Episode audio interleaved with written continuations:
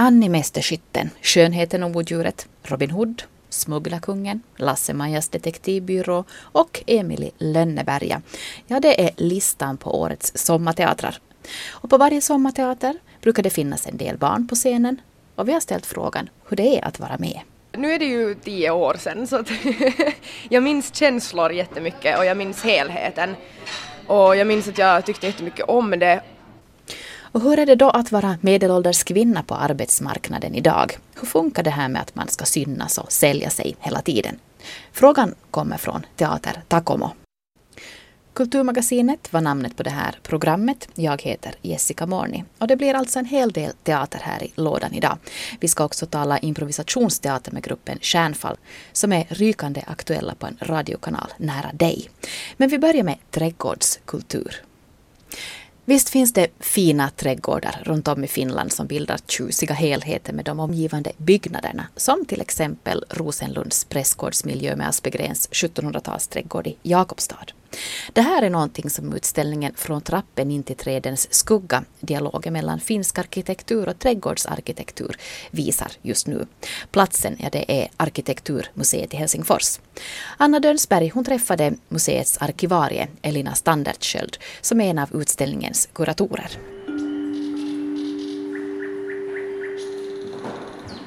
Det har aldrig liksom varit en sån här utställning där man sätter ihop faktiskt arkitektur och trädgårdskonst. Vi har ju här fyra projekt eller byggnader eller omgivningar som är från 1700-talet faktiskt. Och den äldsta och kanske bäst bevarade är just det här prästgården i Rosenlund som är från 1700-talet och den är faktiskt renoverad så att den är riktigt urspr ursprunglig skick. I Finland finns det hemskt fina sådana här omgivningar, liksom det finns också mycket hög kvalitet, alltså arkitekturen är hög kvalitet.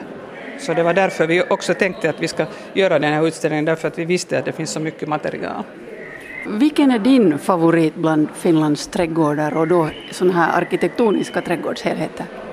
No, sådana helheter finns i den här utställningen, kanske i det andra rummet där man handlar om hur den här byggnaden smälter faktiskt in i liksom omgivande skogen eller trädgården. Och det finns det här uppståndelsekapellet i Åbo som är Erik Brygmans, den är jätteberömd.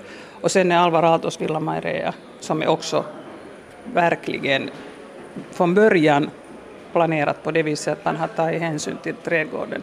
De här två är absolut, tycker jag, liksom toppen.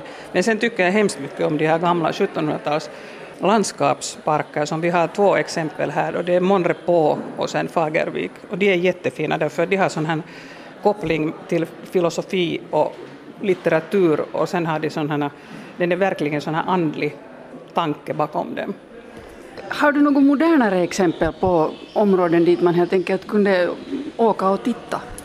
Jo, absolut. Jag skulle liksom först och främst rekommendera det här nya Serlachiusmuseet i Mäntä. Därför att där har funnits från början ett gammalt trädgård som har varit sån här eh, lite axial och mycket symmetrisk och den är från 1930-talet redan. Och sen nu när de har byggt den här nya delen till den och de har tagit hemskt liksom, vackert hänsyn till den gamla parken. Här finns fina bilder var de har bevarat de här gamla träden som faktiskt liksom döljer den nya byggnaden ganska vackert och det, det har varit meningen att man ska se att de här äh, trädstammarna ska spegla sig från de här fönstren från den nya delen som är ritad av spanska arkitekter. De har faktiskt tänkt på att det här hela trädgården ska speglas i den här nya delen.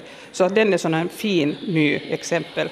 Och där har varit Maj-Lis Rosenbröje, nej ursäkta mig, hon var först däremellan men nu är det Gretel Hemgård som har gjort den här nya trädgårdsplanen och den är också hemskt fin. Så att där finns många olika aspekter man kan liksom titta.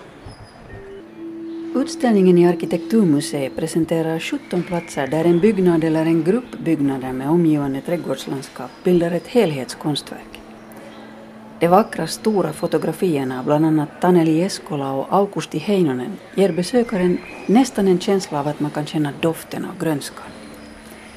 Men även om vi har haft trädgårdar i Finland sedan 1700-talet så är vi inte särskilt bra på trädgårdsplanering sådär i allmänhet. Ofta tar fantasin slut och så blir det bara några tujor och någon buske runt det fina huset. Det håller utställningens andra kurator, forskare Julia Donner, med om. Ja, jag tycker nog att vi inte är så bra på trädgård nu för tiden. Alltså vi har varit väldigt bra på trädgårdar i början av 1900-talet, kanske på 1800-talet. Men nu så tycker jag nog att trädgården har försvunnit på något konstigt sätt. Och det ser man ju just bra när man rör sig runt till Helsingfors till exempel, eller någon annan stad där man sen lite i utkanterna människor bygger hus, just som du sa, och, och, och tomterna är väldigt små och huset fyller hela tomten. Och det finns ingen trädgård, det finns e-, egentligen ingen... Nåja, jag tycker att det är ingen vits att bygga så stort om man sen inte har någon omgivning för huset. Mm och, åtminstone jag tycker att vi har en sån här fel uppfattning om vad trädgården innehåller, vad den, vad den måste vara. Och det, det är oftast då den här gräsmattan som kräver väldigt mycket arbete. Och det där. Och jag skulle nog tycka, eller jag, jag skulle hoppas att, att människor skulle börja tänka om trädgård lite annorlunda. Hur skulle du vilja att de skulle tänka? No just så att, det, att trädgården är för dem, det inte, den behöver inte vara någon sån här presentationsplats eller en, en bild utan, utan att det kan vara ett rum där man får prova och man får bli överraskad och, och, och man får på något sätt vara fri. Av alla de trädgårdar som ni nu presenterar här, har du någon favorit? Fagervik förstås sen också Gullranda och de här är ju sådana här stora, stora, stora fina. Varför ska man komma och titta på er utställning? No, man ska komma och titta på, på, på den här utställningen för att bekanta sig med den finländska trädgården som kan vara ganska överraskande mångfacetterad och, och fin. Att det som är problemet är att människor kanske inte tänker på Finland som ett trädgårdsland och, och sen så kan man bli överraskad som jag tycker att det är viktigt med trädgården så, och, och, och finna ut att Finland har, eller i Finland har funnits väldigt fina och finns väldigt fina trädgårdsmiljöer. Så alltså kurator Julia Donner. Den här utställningen fortsätter ut på Arkitekturmuseets gård där det under sommaren finns en stadsträdgård och en träpaviljong med program som yoga, luncher, musik, föreläsningar och mycket annat ända fram till den 23 augusti. Regnet till trots så är säsongen för sommarteatrar här och på de flesta scenerna är förberedelserna i full gång. På många av sommarteatrarnas scener så brukar det också stå barn och unga. Hur känns det för dem att få vara med i en pjäs och är det bara roligt eller finns det också sånt som är svårt? Kristina Grönqvist besökte Raseborg och finns sommarteater för att fråga några av de barn som står på scenen hur det är att få en huvudroll. Det var väldigt oväntat, men det var ju sen roligt. Jag tyckte också att det var jätteoväntat för att jag då inte har varit med förut. Men eh, det var jätteroligt att få en huvudroll. Albin Hamf och Ellen Hakana, båda nio år gamla, spelar Emil och Ida i Emil i Lönneberga i sommar på Raseborgs sommarteater. När jag träffar dem har den första utövningen pågått i några timmar och både Albin och Ellen tycker det är häftigt att äntligen få stå på den riktiga scenen. De tycker det roligaste med att vara med är att få spela teater och umgås. Det roligaste tycker jag med det här är att man får, eh, man får nya vänner och så får man eh, och man får liksom ha roligt på teatern. Liksom det är kul att spela teater. Långa resor och övningar är ändå inte alltid bara roligt, berättar Albin och Ellen. Ja, det är ganska så himla jobbigt men jag, jag bor ju på Åland, Brände, så man måste åka ganska långt. Och men ja, man får väl vara sådär då. Man får väl vara positiv med åkandet. Ibland är det väl jobbigt, men annars är det roligt. Alltså man, är ju, man blir jättetrött efter de här övningarna. Och eh, vi, bor då i, vi bor i Helsingfors så vi har en timme att åka hit. Men vi har landat i Horsbäck så att det är lite lättare. Albin Hamf och Ellen Hakana berättade vad de tycker det svåraste är. Ja, det är ganska svårt att att säga det men jag tror ändå att det är just vad man ska, hur man ska komma in och alla de här, vad man ska göra och sånt. Men replikerna är lätta annars för mig. Mm, jag håller med Albin att replikerna är kanske ändå jätt- ganska lätta jämfört med att när man ska komma in. Alla håller ändå inte med om att replikerna är lätta. Jag besökte Finns sommarteater där klädprovningen var i full gång och talade med Bernhard Lindberg, 10 år, Carolina Korkman, Sonja Wallin och Anna Sundell, alla 13 år. De berättar också vad de tycker är det svåraste med att stå på scen är. Att lära sig replikerna. Ja, just att lära sig replikerna och alla sångerna och, vet du, och komma ihåg allting varje gång man övar och vet du, att vara med hela tiden och att hela tiden måste lyssna för att inte glömma någonting. Och främst kanske att man måste hela tiden vara i situationen, att liksom att lyssna på exakt när man är på scenen så att man måste lyssna på vad alla andra säger så att man själv ska kunna veta när man ska säga något, ja, när man har någon replik och att ibland kan det bli kanske lite tyst att hela tiden måste vara där men oftast är det nog bara roligt så att ja. De fyra som ska spela Lasse, Maja, Miranda och Apan i Lasse-Majas detektivbyrå Sommarmysterierna på Finns sommarteater berättar att även om det finns sånt som är svårt finns det också mycket att se fram emot. Att stå där på scen och tala inför alla de där människorna. Sen är det ju också jätteroligt att visa det vad man har övat på hela, att tagit så mycket tid och sen visa till alla att Mm. vad vi har övat på. Då Madeleine Forsén var 12 år hade hon titelrollen i Annie på Raseborgs sommarteater. Jag träffade henne på ett café i centrum av Helsingfors för att tala om vad hon minns av den sommaren och hur det var att ha en stor roll. Nu är det ju tio år sedan så att jag minns känslor jättemycket och jag minns helheten. Och jag minns att jag tyckte jättemycket om det. Ehm, men jag tror också att det är så att när man är, jag var ju bara 12 år gammal, att man som barn på något sätt anpassar sig till sin omgivning mycket lättare. Så det kändes ganska naturligt och det, det var inte liksom det var, det var ett naturligt sammanhang när det väl var igång allting. Så det- det var ju kanske inte så överväldigande som jag nu efteråt kan tycka att det skulle ha varit. Jag frågar Madeleine om hon kommer ihåg vad hon tyckte var svårt och vad som var roligt. Jag tror inte att det egentligen just då fanns någonting som var hemskt svårt. Just det med det här att man är, man är liten och eh, som barn så lär man sig också mycket lättare saker. Jag tyckte inte att det var så svårt att lära mig alla repliker. Jag var lite nervös över det i början men det var inte något svårt i det. Jag tror att det svåraste var att komma ihåg att dricka och äta. Men, men liksom mera negativt än det kan jag inte säga för att det, det var nog inte så svårt egentligen.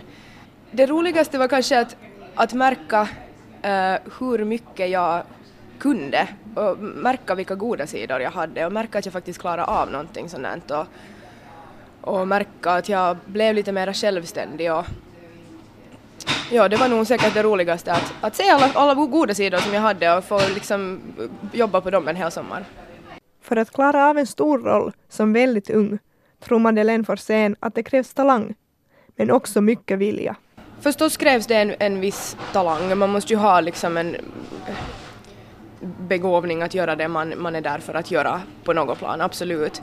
Men sen tror jag att det, det krävs nog mest bara det att man, man har människor runt omkring sig som hejar på en och som tycker om en och som stöder en och hjälper en att komma ihåg att äta och dricka och, och hjälper en med att planera tiden och annat sånt här som man kanske kan ha svårt med. Men, men annars så behöver man kanske bara den där viljan och det att man upplever att det är en rolig sak att göra för då lär man sig också och det, då, då är man kreativ. Och, så jag tror att det krävs inte egentligen jättemycket av barnet i sig utom viljan att göra det utan sen krävs det mest av människorna runt att, att se till att, att barnet får det det behöver.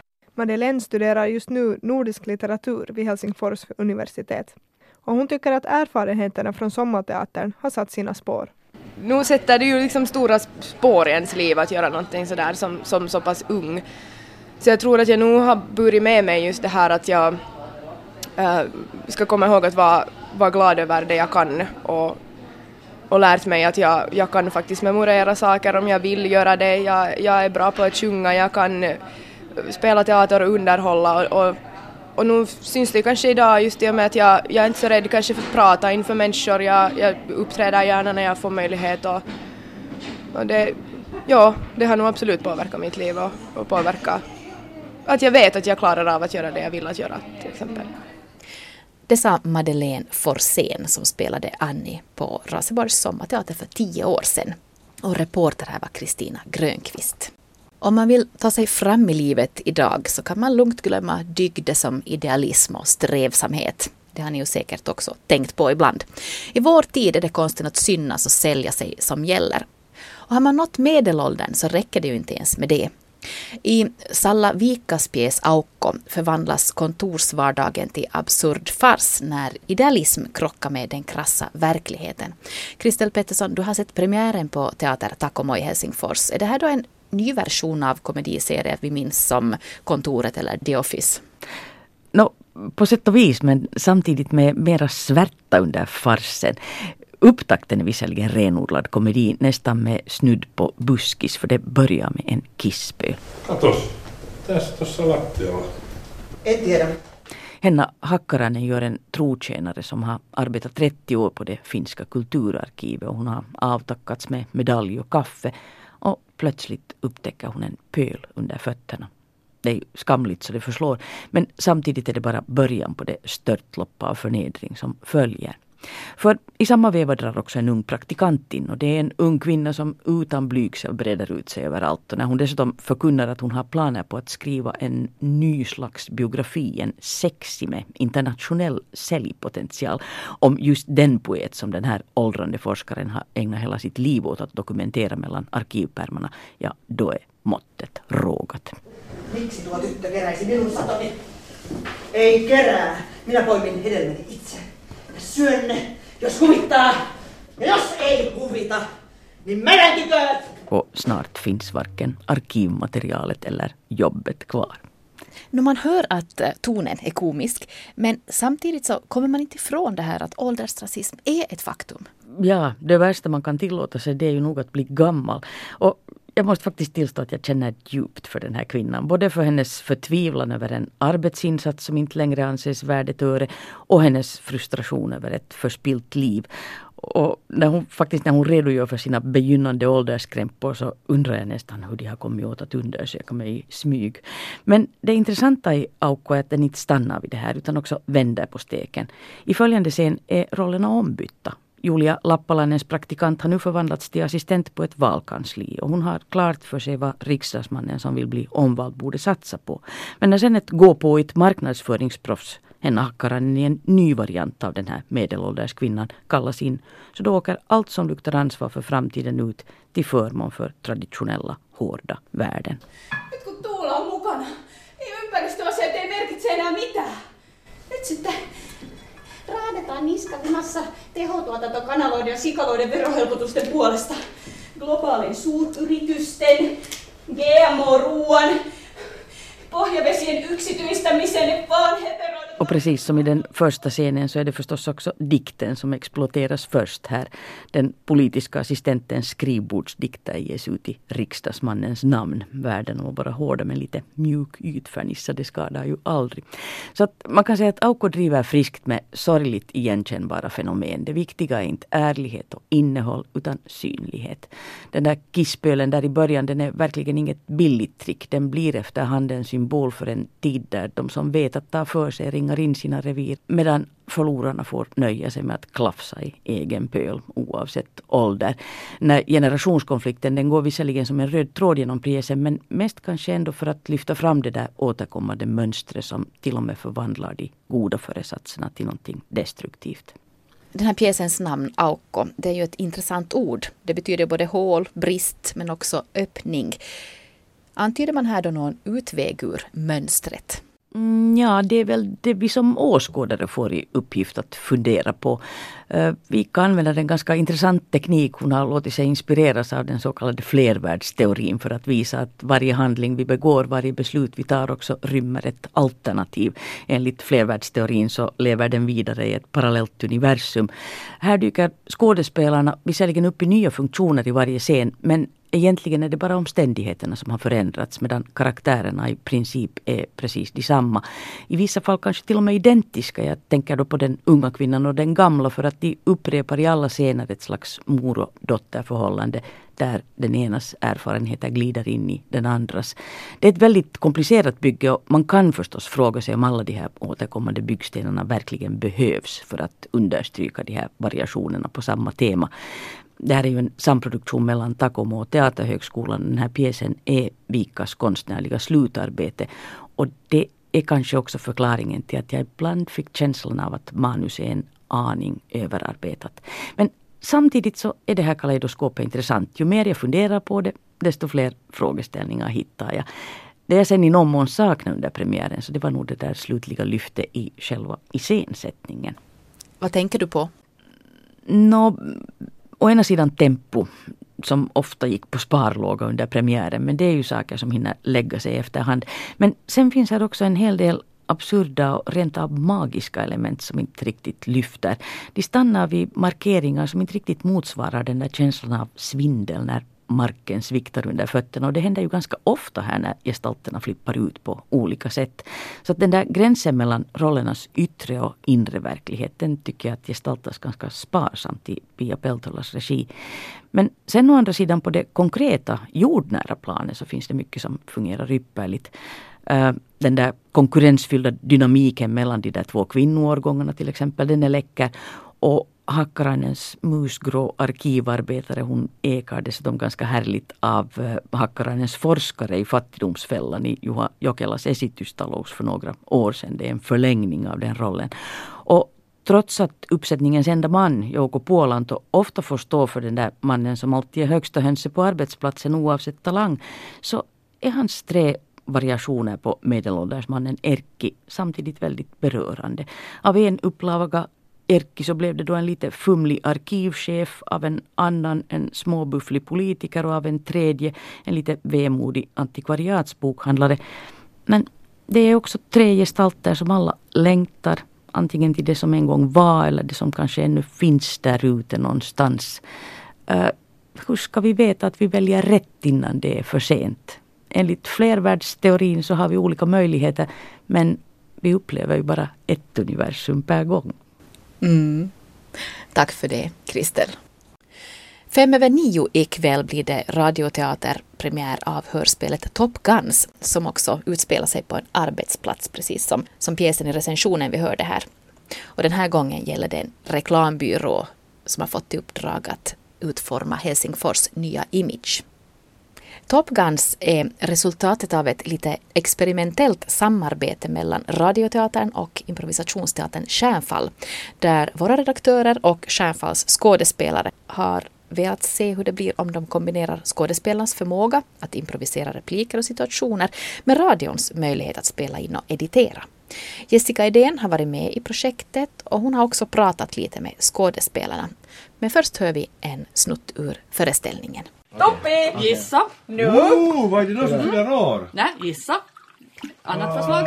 Uh, vill någon ha vunnit på Lotto? Nästan. Vi fick det!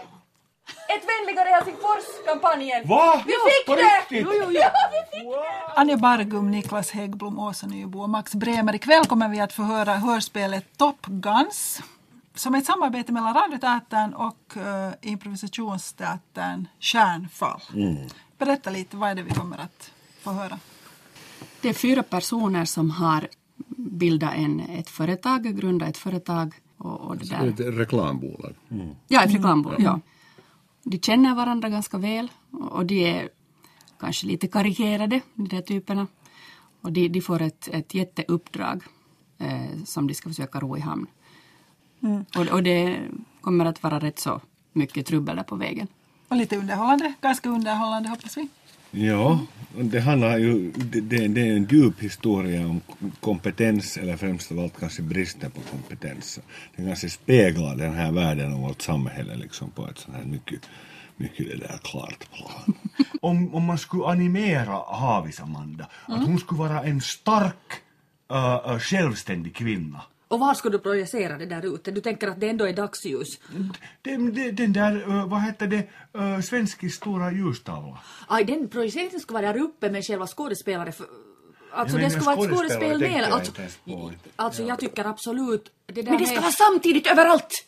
Ja! Det händer hela dagen, gång eller- på gång på gång. allt som händer i Pjäser, animationer.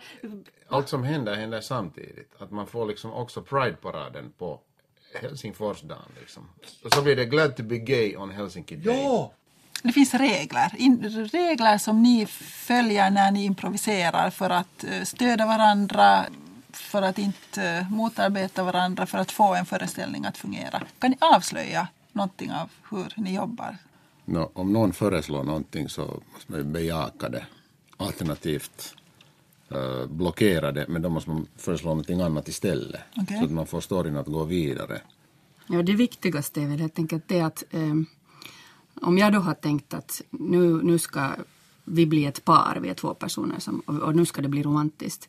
Och så märker jag att den andra har någon, någon annan kommer med något helt annat så måste jag vara beredd att bara på en sekund slopa hela min idé. För att det handlar inte om ens ego och att få sina egna idéer fram utan man måste bara glömma sitt ego och liksom det är det som är det finaste egentligen med impro. Att, att, att, att bara liksom gå in för storyns bästa. Och, och Storyn liksom, har sitt eget liv. ja.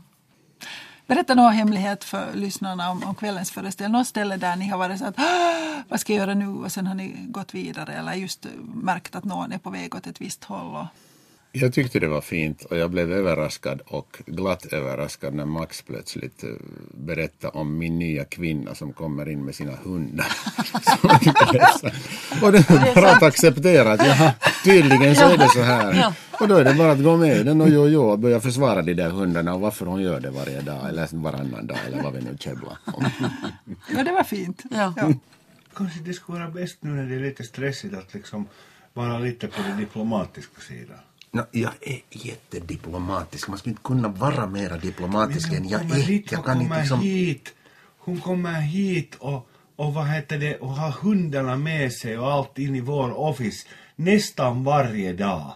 Och så bjäbbar de omkring och så blir det sån här hiskelig parfymlukt efter henne sen när hon har gått. Och sen sticker ni ut och ett par timmar på lunch, det är ju ganska kova. Nu är det nog Vi ganska är inte kova. ett par timmar på lunch. Hon kommer hit och vi går en runda med hundarna och sen, sen går jag Sen går ni till, Sen ringer sen jag går ni till till Masa hotell i Helga och sen säkert. i sitt nu dikta, när jag ska berätta hur det är. När jag går på lunch, då är min lunch egentligen slut. För jag har, jag har liksom förbrukat min lediga tid. Då måste jag ringa till massa medan jag äter. Jag får magsår för att jag inte kan smälta maten liksom i fred. Utan jag har liksom långa diskussioner där han kommer och väiter och kritiserar mina nya slogans. Som de facto kommer att rädda den här jävla stan. Om någon lyssnar på mig någon gång så ska jag kunna berätta för alla hur man får liksom den här stan på världskartan på nytt. Jag tycker det var helt fantastiskt att höra, eller jag tycker det är ljuvligt att lyssna på er eh, den här naturligheten i era repliker. Det att det inte låter som teater utan ni är liksom, ni är ni. Det är ju lite intressant det att man försöker säkert, jag menar man försöker ju komma till det också med skriven text. mhm. Att det ska låta Mhm. väldigt naturligt. Men, det där, men det verkar som att det är svårt kanske att få det att låta riktigt på Mm. det sättet som faktiskt, som det låter nu när vi har lyssnat på det här själva och liksom vi verkligen säger, jag vet inte. Jag tror att det är Ja. tankeflöde som är ganska svårt att kopiera från riktiga livet någonstans. För nu när man satt och, sett, har suttit och lyssnat på vad vi har gjort här nu så jag menar människor fastnar i sina liksom Ja, alltså i synnerhet tankar. Tumpi fastnar här i sina ord. Din, Ja, din fotograf så fastnar ganska mycket. Ja, och man fastnar och folk liksom, folks bågar är mycket längre. Man sitter och försöker tänka ut en sak som man, oberoende vad de andra sitter och snackar om i riktiga livet, så sitter man och funderar den och säger den sen liksom långt senare och har egentligen mest tänkt bara på det. Och Medan resten det. snackar vidare. Just det. Vi, vi kan sköta det här helt professionellt. Gun. men Lasse, jag säger det bara. Jag vill inte att du avbryter mig Gun. precis hela tiden. Gun. Kan du respektera det? Gun! På största allvar. Gun. Jag säger det med vänlighet. Gun! Ja, men sluta avbryta Gun! mig. Jag har inte ja. sagt något på Gun! länge. Vad är det? I den här situationen, E EVVK. Vadå är VVVK? Ei vois vittu vähemmän kiinnostaa. Där är tre V. E, V, V, V, K. Där hörde vi Anja Bargum, Max Bremer, Niklas Häggblom och Åsa Nybo. Och mer av dem i det improviserade hörspelet Top Guns hör vi här i Radio Vega om en liten stund klockan 21.05. Och efter föreställningen diskuterar skådisarna vidare med Jessica Edén. Mer av Kulturmagasinet, ja det hör du nästa vecka. Hej!